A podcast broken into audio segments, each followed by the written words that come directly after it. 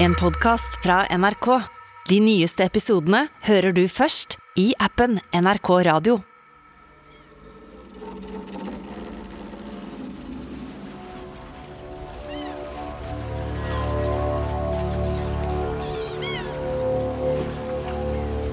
Det kommer et skip inn til havna. For et lekkert skip det er. Dette skipet der er det ikke. Det må da være. Visst er det det. Kongeskipet. Kongens eget skip. Jæven svært, ja. Må være et av de største skipene som noen gang har blitt bygd i Norge. De andre skipene ved siden av ser ut som små lekebåter omtrent. Dette skipet der, det er splitter nytt, det. Ble sjøsatt for bare noen uker siden. Det er sikkert derfor mannskapet driver og klebber. De kjenner ikke skipet godt nok, rett og slett. Hvor de styrer og roter med å legge seg til. Ja ja, der fikk de nå kasta anker, da, i hvert fall. Men ankertauet sveiver rundt og rundt og rundt og rundt, og fortere og fortere og fortere. og fortere. Går aldeles altfor fort. Det lukter svidd. Nå ryker det av tauet. Himmel og hav, det brenner i ankertauet. Hvis de ikke følger med nå, kan hele skipet ta fyr. Karene nærmest ankertauet, de driver bare og drøler, dem. Står og koper og klør seg i skjegget og i hodet og ser på hverandre, rådvill og forfjamsa. Underlige greier med røyklukta. Kjenner du òg? Hva kan det være? Mest tafatte sjømennene ever. Der! Endelig begynner de å gjøre noe. De begynner å baske med et digert telt. De hadde telt i båtene sine den gangen, nemlig. For det var jo ikke noe kahytt eller overbygg eller den slags. Nå drev de og fukte teltet. Ah, de skal ordne en slags middelalderversjon av et brannteppe. Og slenge det fuktige teltet over der det brenner og ulmer. OK, da. Det er ikke verdens verste idé. Men det går for tregt. Tre-fire kaller står og drar og styrer med en svær, våt teltduk. Tungt. Uhåndterlig. De kommer ingen vei. Norges feiteste skip kan fort få en kort karriere. Det er ingen som kan ta ansvar. Jo visst er det det. En pen ung gutt på bare 14-15 år.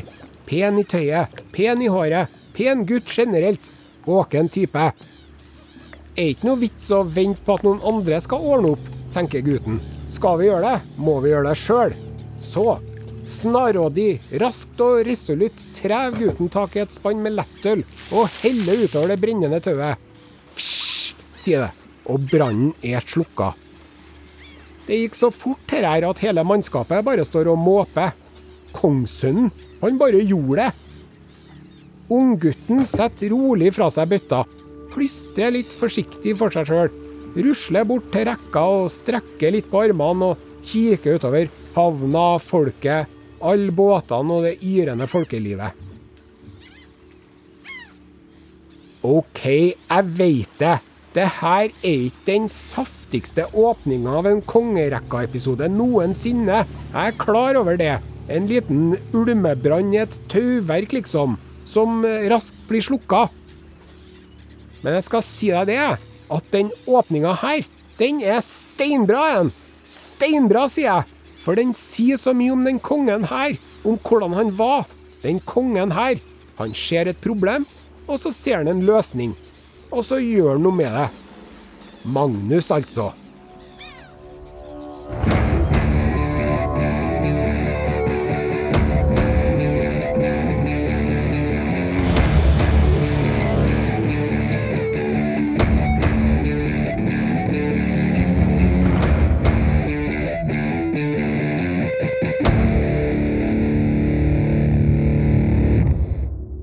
Hører Kongerekka med Are Sende Osen, sesong tre. En podkastserie om de norske kongene. Episode seks Magnus Lagabøte. Kongen som avskaffa Hunger Games.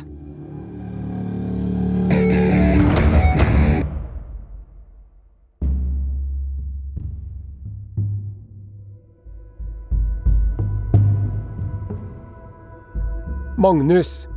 Faren hans var kong Håkon Håkonsson. Morfaren var farens erkefiende, Skule jarl.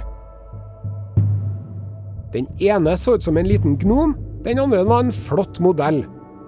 Så hvilke gener var det som vant utseendemessig? Magnus ble høy og vakker. Han hadde så fagert hår. Intellektuelt ansikt. De kalte han for Junker. Oppklaring. Junker, det betyr ikke at han drev og spiste mye junkfood. Chicken nuggets og løkringer og burger og milkshake. Det betyr heller ikke at han drev og hang sammen med junkiene utafor Oslo S. Junker, det er en hederstittel. Unge herre betyr det.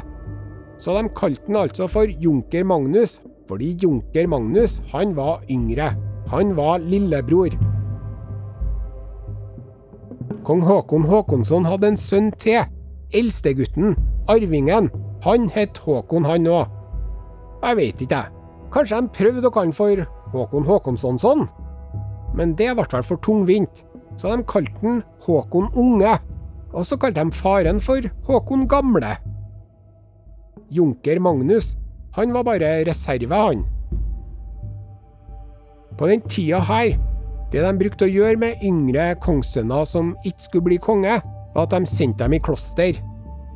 Ikke for at de skulle bli munker på ordentlig, nei, men for at de skulle få seg en utdanning, altså gå i skole hos prester og munker og den slags.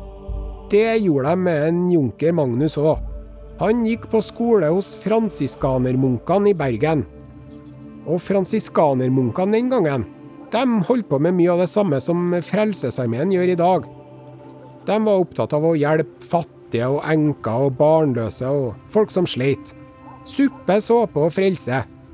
De var nøkterne, de var nøysomme, og de holdt ikke til i byens fineste strøk. Nei, det gjorde de ikke. Så om dagene, når han var på skolen, da så sikkert eh, junker Magnus mye folk som ikke hadde det så lett. Barbeinte, magre gatebarn som sprang rundt og tagg. Fillefranser uten armer og bein som satt med tiggerkoppene sine, dem òg. Prostituerte og fylliker og lasaroner. På skolen var det mye lesing og skriving. På både norrønt og latin. Leste sikkert mye i Bibelen. Og så var det mye samfunnsfag, tror jeg. Dere fransiskanermunkene er opptatt av hvordan samfunnet fungerer. Så Magnus lærte nok mye om lover og regler og samfunnsting. Men han leste sikkert mye andre greier òg. Hofflitteratur, ridderromaner, om høviske riddere som jakta på Den hellige gral og sloss mot drager og lengta etter fagre jomfruer og hjalp alle som var i nød. Han fikk en god utdanning, og da han var 14-15 år, holdt han sin første offentlige tale. Alle sammen som hørte den talen, var overraska og imponert over hvor god junker Magnus var til å ordlegge seg, hvor lite barnslig han var. Han var nok en veldig smart og sofistikert type. Det var ikke planen at en junker Magnus skulle bli konge, men den sommeren da Magnus var 19 år gammel, ble storebroren hans, Håkon Unge, sjuk og daua. Alle sammen syntes det var skikkelig trist. Da var det jo veldig bra at de hadde Magnus på reservebenken, da. Han Håkon Unge, han hadde faktisk vært konge, han. Enda han var veldig ung, og faren, kong Håkon Håkonsson, fortsatt var i live. Men de hadde tenkt at det var best sånn. Å ha to konger samtidig, den gamle og den unge. På den måten, når den gamle døde, så ble det ikke noe maktvakuum eller trøbbel med overgangen fra den ene til den andre. Så da en junker Magnus rykka fram i køa, da ville kong Håkon Håkonsson gjøre Magnus til konge, han òg. Tvert. Så før Magnus var 20 år gammel, da ble han tatt til konge, han òg. Rundt omkring på tingene. Nå var han ikke junker lenger, han var konge. Og Magnus kjente sin plass og oppførte seg ordentlig. Magnus var toppen. Det var ikke noe galt med en Magnus.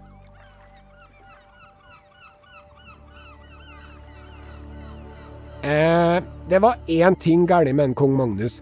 Han var fortsatt ungkar. Ennå han ble både 20 og 21 og 22 år gammel. Og det var jo ikke bra.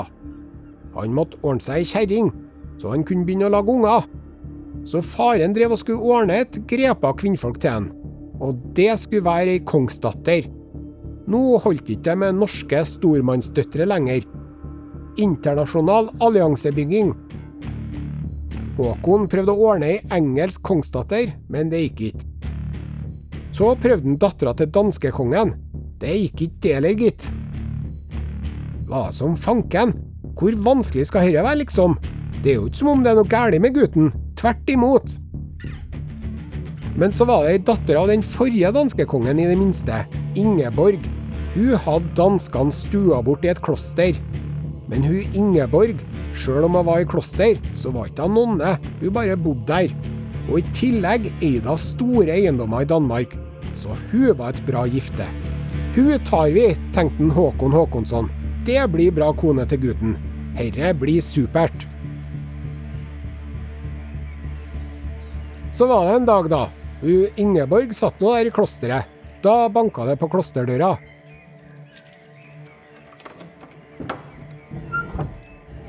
En gjeng nordmenn, gitt. Fintfolk. Biskoper og lendmenn og greier. De sa hallo, hallo, nå kommer vi for å hente Ingeborg. Hun skal gifte seg med en Magnus. Er du klar, eller, Ingeborg? Og Ingeborg svarte som sant var at klar? Jeg? Dette er nå det første jeg hører om noe giftermål. Magnus hvem, sa du? Magnus, konge av Norge, svarte de utålmodig. Kom igjen nå, bli med, blir kjempebra det. Stakkars Ingeborg, herre kom jo veldig brått på. Og hun nørte jo litt, skjønner jeg godt, og sa at tja, jeg veit sannelig ikke, jeg. Kan ikke bare bli med sånn helt uten videre, jeg har jo ikke pakka eller noen ting. Men sendemennene sa at har du en tannbørste, ta med den, resten ordner vi. Og så tror jeg at hun Ingeborg tenkte som så at hva er alternativene her nå egentlig? Skal jeg sitte her, i kloster? Eller skal jeg bli neste dronninga av Norge? Elle melde dei forteller skipet går ut i Nei, fuck it! Skittau, jeg blir med, sa Ingeborg. Flott, sa de. Nå drar vi. Og så hoppa de om bord i skipene og for til Norge. Det var nå i grevens tid, for svenskekongen òg var ute etter å ha Ingeborg til sønnen sin. Populær dame. Her gikk det veldig fort i svingene, altså. Jeg sier ikke at det var et bruderov, men jeg sier ikke at det ikke var det heller. Og det var ikke helt sånn man skulle gjøre det. Men den som intet våger, intet vinner. Og nå var nå Ingeborg i Norge. Så den saken var opp og avgjort.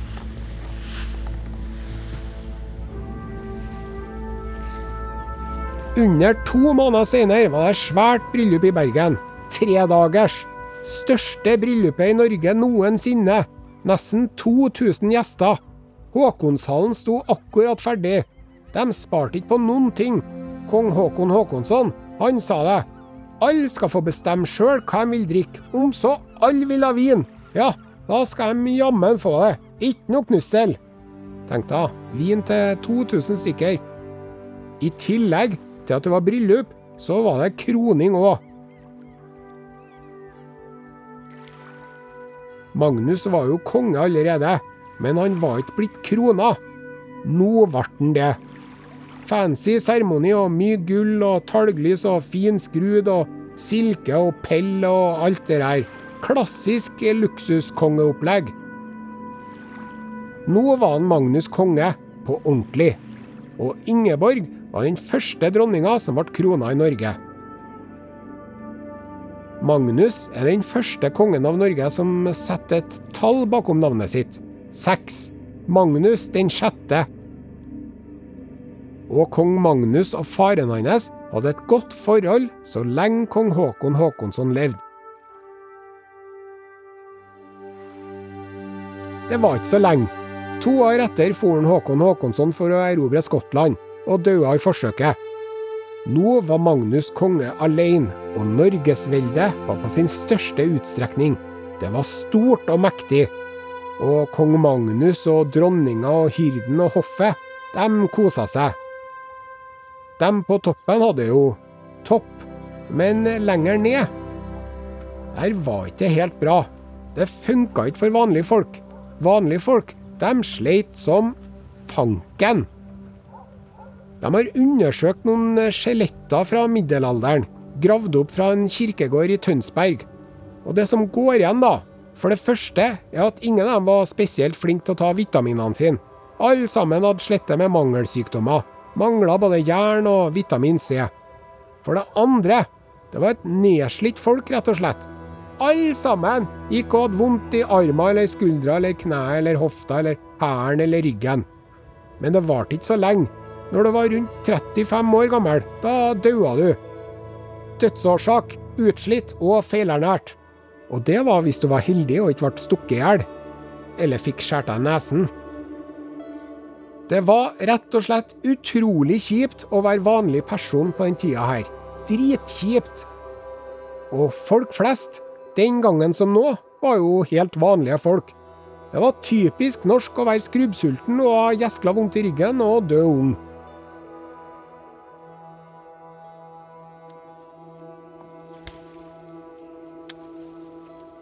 I vikingtida var det vanlig å ha treller i Norge, slaver. Opptil hver fjerde nordmann var trell. Men i løpet av 1100-tallet ble det sakte, men sikkert slutt på dette trelleholdet. Trellene ble sluppet fri, alle sammen. Og grunnen til det var vel kanskje delvis at kristendommen sa at alle mennesker er brødre og alt det der. Mulig det. Men jeg tror nå at den viktigste grunnen var at trelleholdet faktisk var uøkonomisk. Sant? Har du en trell, så må du nå gi den trellen noen rester og noen skyller og et kyllingbein og noe vassgraut innimellom, og en raggsokk til jul, enten den trellen jobber eller ikke.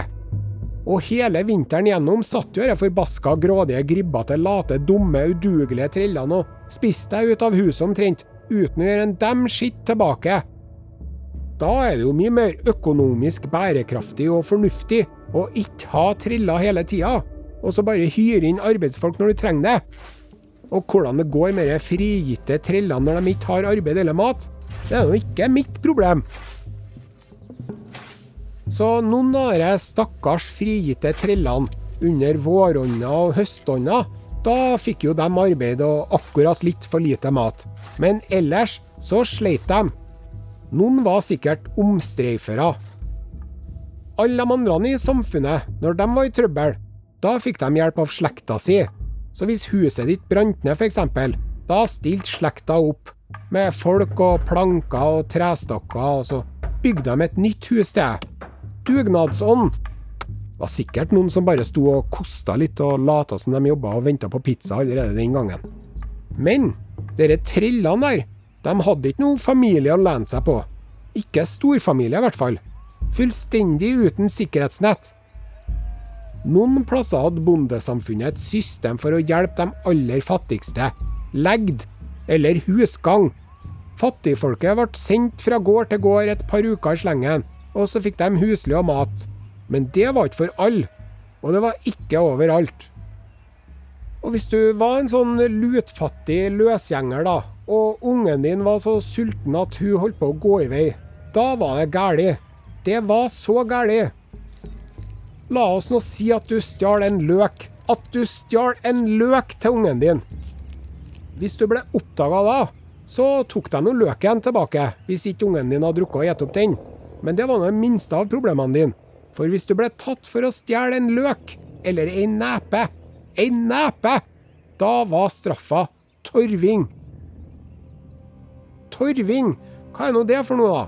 Jo, du har hørt om steining, sant? Da kaster man stein på folk til de døde. Torving er omtrent det samme, bare at de kaster ikke stein, de kaster torv. De stiller deg opp. Stå der, sier de, ikke rør deg. Og så står du der. Og så kaster de torv på deg til du detter sammen. Og slutter vel når du ikke rører på deg, eller ynker deg, eller roper om nåde lenger. Det er ikke sikkert at du dauer av torving, men det er ikke sikkert at du overlever heller. I Gulatingsloven står det at hvis du overlever en runde med torving, da har du flaks. En annen ordning for fattigfolk var gravgangsmenn. La oss nå si da at det var en familie med frigitte triller som ikke hadde nåla i veggen. Hadde ikke noe vegg engang. Så gikk de til bonden og spurte om hjelp. Hva gjorde bonden da? Nå skal du bedre få høre. Da gravde bonden en grav til den familien der, på kirkegården. Måtte ha vært en ganske stor grav, da, med plass til en seks-sju stykker. Og når den grava var ferdiggravd, da sa bonden vær så god. Hæ? Vær så god, hopp oppi. Og så måtte mamma og pappa og bestefar og onkel Ivar og søsknene Per, Pål og lille Kari hoppe oppi grava. Og der fikk de vær så god holde seg til alle unntatt én var død. Og den siste som ikke hadde dødd, han var da vinneren. Vinneren av gravgangskonkurransen. Men han fikk ikke noe hytte eller Subaru eller platekontrakt eller sitt eget TV-program. Gravgangsvinneren, han fikk en skål med vassgraut. For bonden måtte fø på han da, videre. Hunger Games kan bare gå og legge seg. Verdens verste reality. I tillegg så drev de fremdeles med sånn blodhevn og greier, da. Alle sammen drev og drepte hverandre, og tremenningene deres og hevna seg i eininger. Alt dette her fikk han med seg, han Magnus, og så tenkte han at dette her, det er jo ikke bra. Må gå an å gjøre noe med dette her. Hm, litt av ei floke.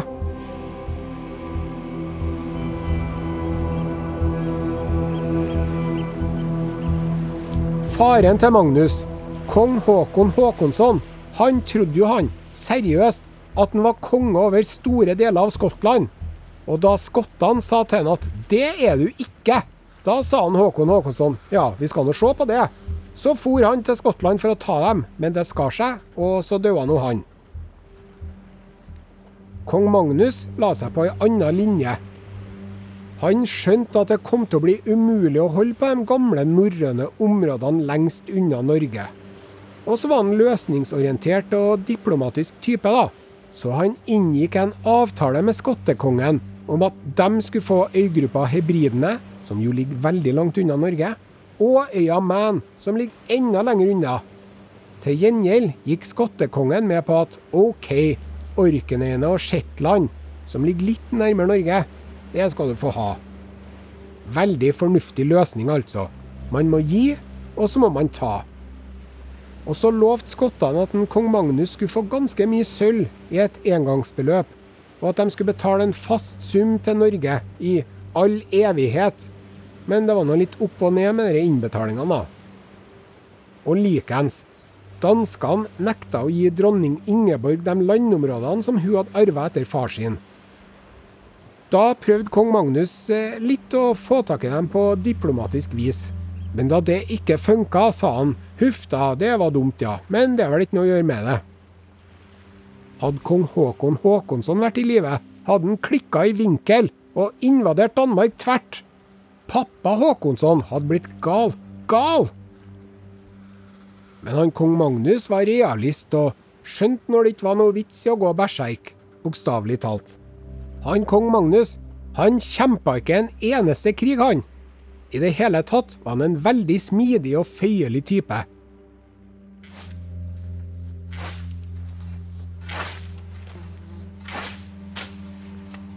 Nå var det i Norge mer folk enn de hadde korn til. De var avhengig av å importere korn for at folk skulle få mat. Så det kom korn inn, og så for det skrei og smør ut. Hovedsakelig gikk denne handelen via tyske kjøpmenn i Bergen. Det er ikke snakk om noe Hansa-forbund ennå, men det er liksom forløperen til Hansa-forbundet, da. Og de tyske kjøpmennene i Bergen, de var om seg. Så først så skal de ha like rettigheter som nordmennene. Det fikk de. Så skal de ha spesialbehandling, og da fikk de det òg. For han kong Magnus, han skjønte at hvis vi ikke får korn inn til landet, da blir det skjærings. Fortalte jeg om hvor diplomatisk han Magnus var? Jeg gjorde det. I tillegg til at han ikke kriga med verken Danmark eller Skottland, tror du ikke at han drev og mekla mellom Sverige og Danmark for å unngå at de skulle gå til krig mot hverandre? Helt spesielt enestående fredelig type, kong Magnus.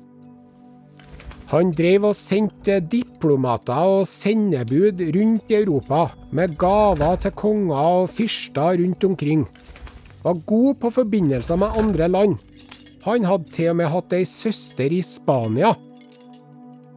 Du skjønner at for lenge siden, mens kong Magnus bare var junker Magnus, da kom det bud helt ifra Spania. Ifra kongen av Spania. Hva ville han, da? Han ville ha søstera til Magnus, hun jomfru Kristin. Kongen av Spania sa at hvis da jomfru Kristin kommer hit, så skal hun få velge sjøl hvem av brødrene mine hun skal gifte seg med. Jeg har fem stykker, sa kongen av Spania. Bare at han var ikke kongen av hele Spania, for Spania var ikke ett land den gangen, sjø. Så kongen av Spania, han var kongen av deler av Spania, nærmere bestemt Castilla. Herre var en god idé. Da de rusta ut et flott skip og sendte jomfru Kristin av gårde nedover landene. Jomfru Kristin og mer enn 100 mann og mange fornemme kvinner med. Og jomfru Kristin hadde med seg sølv og gull og utsøkt pelsverk og masse kostbarheter. Aldri før har ei kongsdatter fra Norge hatt med seg så flott medgift, sier de. Men det sier de stadig vekk. I Castilla var det topp stemning. Kongen lina opp brødrene sine så jomfru Kristin kunne få velge. Han eldste broren var en dyktig mann og en god ridder, og sikkert en skikkelig bra kar. Men han hadde dessverre hareskår, så han var ute. Den neste broren var enda bedre ridder enn han med hareskåret, men han hadde prøvd å ta over riket fra brødrene sine, så han var uaktuell pga. det. Kristin ville jo ikke gifte seg med en som var i unåde og ute av det gode selskap. Bror nummer tre var erkebiskop, og trivdes med det, og da kunne jo ikke han gifte seg, så han òg ble strøket av lista. Den siste broren var også meninga at skulle bli erkebiskop, men han ville egentlig ikke det, sjø. Han passa ikke som prest. Han ville heller dra på jakt med hauker og hunder, og var skikkelig barsk han elska å slåss med bjørner og villsvin, var glad og lystig, beskjeden og god kamerat, og fin å se på. Ja, her er det bare å velge fra øverste hylle, sa kongen av Castilla. Vent litt, han sa han hadde fem brødre enn kongen, det her var bare fire. Hvor er blitt av nummer fem? Nummer fem viste seg å være en utgammel svigerfar av kongen av Castilla så han fikk ikke være med på lista engang. Spiller ingen rolle. Det var nå fire å velge mellom. Jomfru Kristin hun snakka med venninnene sine, og de fant ut at den fjerde broren var best. Hun sa 'Jeg tar han villsvinslåsseren'. Og sånn ble det. Jomfru Kristin og bror nummer fire gifta seg. Det var ikke noe skitbryllup det heller, kan du tro. Beste bryllupet de hadde hatt nede i Spaniens land. Så det måtte jo planlegges. Tok litt over tre måneder, det. Og så, da bryllupet var over, da venta alle fellesvennene til Kristin i noen dager. De sov av seg bakrusen og slappa av litt. Og så sa de til Kristin Nå var vel ikke hun jomfru lenger, må man anta. Så sa de til Kristin Herre var artig, ja. For et flott bryllup. Og for en kjekk og barsk mann du har fått deg. Enn det, du. Driver og slåss med både villsvin og bjørner, han. Brum, brum, nøff, nøff. Ja ja, lykke til, nå drar vi hjem. Og eksjomfru Kristin sa at fær dere allerede, ja? Ja ja, takk for følget, Hils hjem att. Og så for nå alle sammen hjemover, og Kristin ble igjen nede i Spania. Etter fire år så døde hun. Ganske langt hjemmefra. Stakkars Kristin.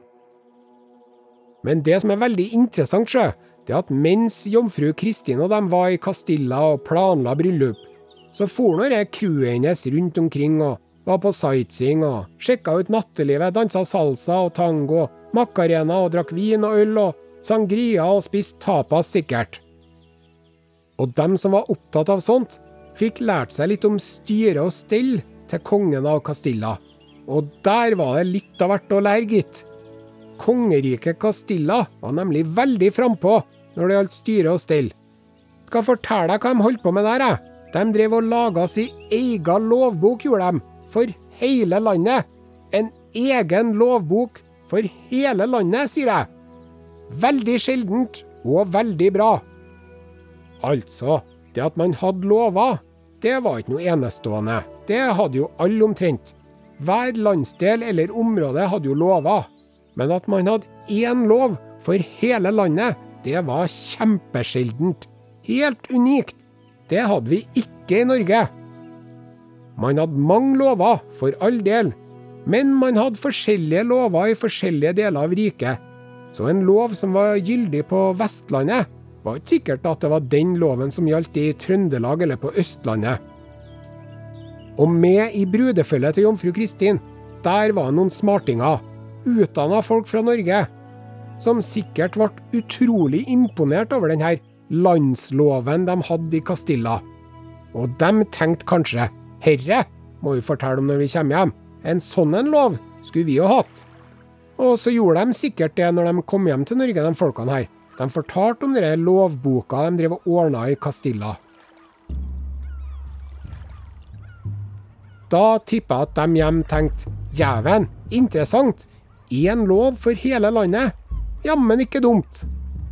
Men så er det jo også sånn, når det er et stort og vanskelig prosjekt, så tar det litt tid å gjennomføre. Kong Håkon Håkonsson begynte nå litt, men kong Magnus heiv seg rundt og tok tak i lovene på alvor. Han kalte inn de smarteste kompisene og rådgiverne sine og sa gutter, jeg har en idé. Én lov for hele riket. Det vil jeg òg ha. Så ble det sånn. Kong Magnus laga ett sett med lover som skulle gjelde for hele Norge. Når jeg sier at eh, kong Magnus laga lovene, da var ikke sånn at eh, kongen sjøl satt med fjærpenna si og skrev. Nei, han kong Magnus han var mer som en slags eh, prosjektleder. Og så hadde han en liten gjeng med folk som ordna det for seg. Dyktige, smarte folk som hadde studert i utlandet. Paris og Italia og greier. Det var vel kanskje en fire-fem stykker. Altså, de plukka ikke den lovboka her ut ifra løse lufta. De tok det beste fra de gamle lovene som fantes fra før, og så laga de veldig mye nytt. Det er det lagabøte betyr. Lovforbedreren. Han som fiksa lovene. Det her var en veldig komplisert prosess, kan jeg fortelle. Og det gikk ikke smertefritt heller å lage én lov for hele riket. Erkebiskopen f.eks., han satte seg på bakbeina. Han mente at hallo, hva for noe landslov? Skal den gjelde også, den da, si meg? Vi i kirka, vi har vår egen lov, vi. Kristenretten. Som ble vedtatt av Olav den hellige sjøl. Og hvorfor skal vi endre på den? Den er jo helt perfekt. Kan jeg bare få bryte av litt her? Unnskyld meg, herr erkebiskop, men var nå kirkeretten egentlig perfekt? Jeg syns den virker litt uh, uperfekt, jeg, her jeg sitter. Det fantes f.eks. en håndbok for prester på den tida her. Der er det ramsa opp alle de dagene i året ektepar ikke kan ligge med hverandre fordi det er synd. Og det er mange. I fasten, på fredager, på søndager, 40 dager før jul og påske, og en rekke andre høytider. Du, biskop, hvis man skal følge de reglene dine, da er det bare 92 dager i året man har lov til å ha sex, sjøl om man er gift. Så å kalle kristenretten for perfekt, det syns jeg å ta i. Ja ja. Erkebiskopen var nå uansett skeptisk til den nye lovsamlinga. Så da kom det jo veldig bra til, da, at en kong Magnus Lagabøte var så god forhandler og dyktig diplomat at han til slutt, gjennom masse omarbeidinger, bearbeidinger og forhandlinger, og pjusking og stryking av biskopen med hårene, fikk ordna en lovsamling som også erkebiskopen gikk med på. Greit! Det tok mange år, men i 1274 da ble Magnus Lagabøtes landslov innført i Norge. De passa på å gjøre det mens den kranglevårende biskopen var i utlandet, faktisk. Nå var det én lov som gjaldt for hele Norge. Det her er en veldig big deal. Man hadde én felles lov for hele kongeriket. En lov som moderniserte Norge. En lov som tok vare på de fattigste. Denne loven var ikke bare oppramsing av straffer og gamle regler. De brukte loven for å endre forholdene og forme samfunnet. Mindre dreping, folkens. Og så tok den vare på de fattige. Nå ble det forbudt med gravgangsmenn. Ble slutt på å putte en hel familie oppi ei grav og la dem vente der til bare én var igjen i live. Fortsatt var det ikke lov til å stjele, verken løk eller neper. Men i den nye loven så sto det at hvis du stjal fordi du holdt på å sulte i hjel, ja, da kunne du ikke straffes for det. Magnus Lagabøte passa på å ha med støtteordninger for de aller fattigste, sånn at de kunne holde seg i live. Almisseplikt. Aller fattigste skulle få hjelp til å komme seg opp av armoa og klare seg sjøl. Og ordninga med legd, at gårdene måtte ta inn gamle og hjelpeløse, skulle gjelde for hele landet. Men det var fortsatt ikke noe dans på roser for fattigfolk. Jeg sier ikke det. Hvis det kom noen og banka på døra di og ba om mat, da skulle de få det. Med mindre de var i stand til å arbeide. For hvis det kom en arbeidsfør person og tagg, da skulle ikke gi dem mat med en gang, nei. Da skulle du sette dem i arbeid. Og så, etter at de hadde jobba, da skulle de få mat. Og hvis det kom noen og tagg mat og ikke ville jobbe, da skulle du banke dem. Og så skulle du sette dem i arbeid. Og så skulle du gi dem mat. Så det var jo fortsatt ikke bra. Det var ikke noe velferdsstat, nei. Langt derifra. Men det var et viktig skritt i riktig retning. Kong Magnus Lagabøte, han så et problem, og så så han en løsning. Og prøvde å gjøre noe med det.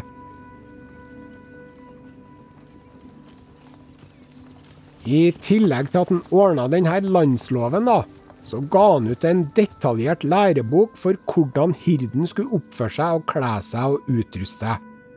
Nå var det jo ikke så mye hird igjen lenger. Mer hoff og riddervesen, men retningslinjene var ikke så dumme. Det var retningslinjer for det meste. Advarsel mot å drikke deg for full når du er i nærheten av kongen. Godt råd. Ikke å være doven og lat. Ikke være for søvnig. At du ikke skal skryte og kle deg for prangende. Vær blid mot alle. Tal vel, men ikke for mye i utide. Altså, ikke vær møteplager.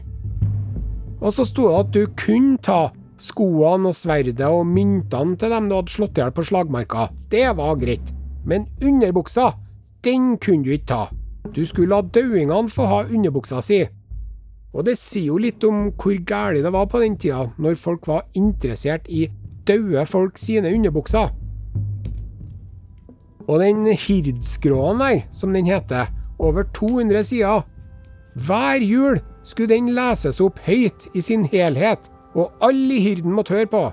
Kjedeligste juleritualet jeg har hørt om. Magnus Lagabøte sin landslov er det mest omfattende lovgivningsarbeidet noen har gjennomført i Norge noen gang.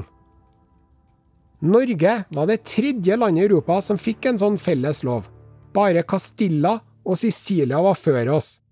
Og den landsloven, altså. Hva den landsloven har betydd?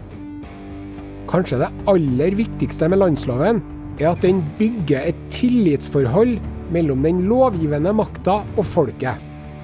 Den loven der, den var så bra, den, at folk skjønte at lovene er ikke bare straff og fankenskap. Lover kan være bra. Lover kan sørge for at det går bedre med samfunnet. Sånn er det den dag i dag.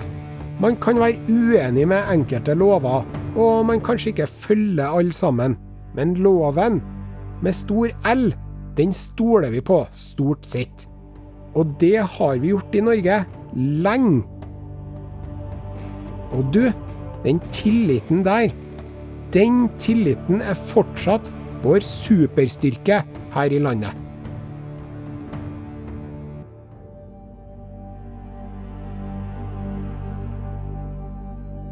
Noen år etter at landsloven var ferdig, ble kong Magnus Lagabøte sjuk og daua, 42 år gammel. Ble ikke så langt liv på han. Han ble gravlagt hos fransiskanermunkene i Bergen, der han hadde gått i skolen da han bare var en liten junker.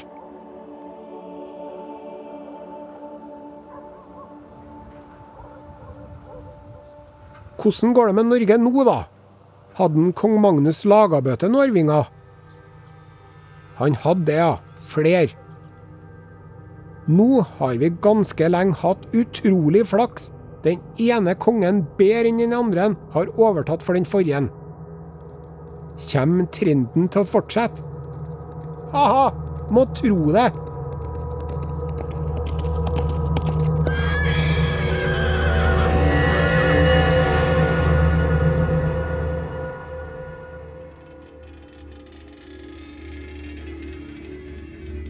Kongerekka er laga av Are Sende Osen og Ragnhild Sleire Øyen.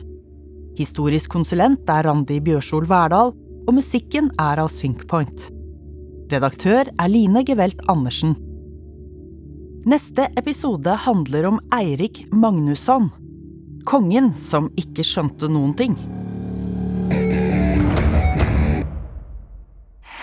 Du har hørt en podkast fra NRK. De nyeste episodene hører du først i appen NRK Radio.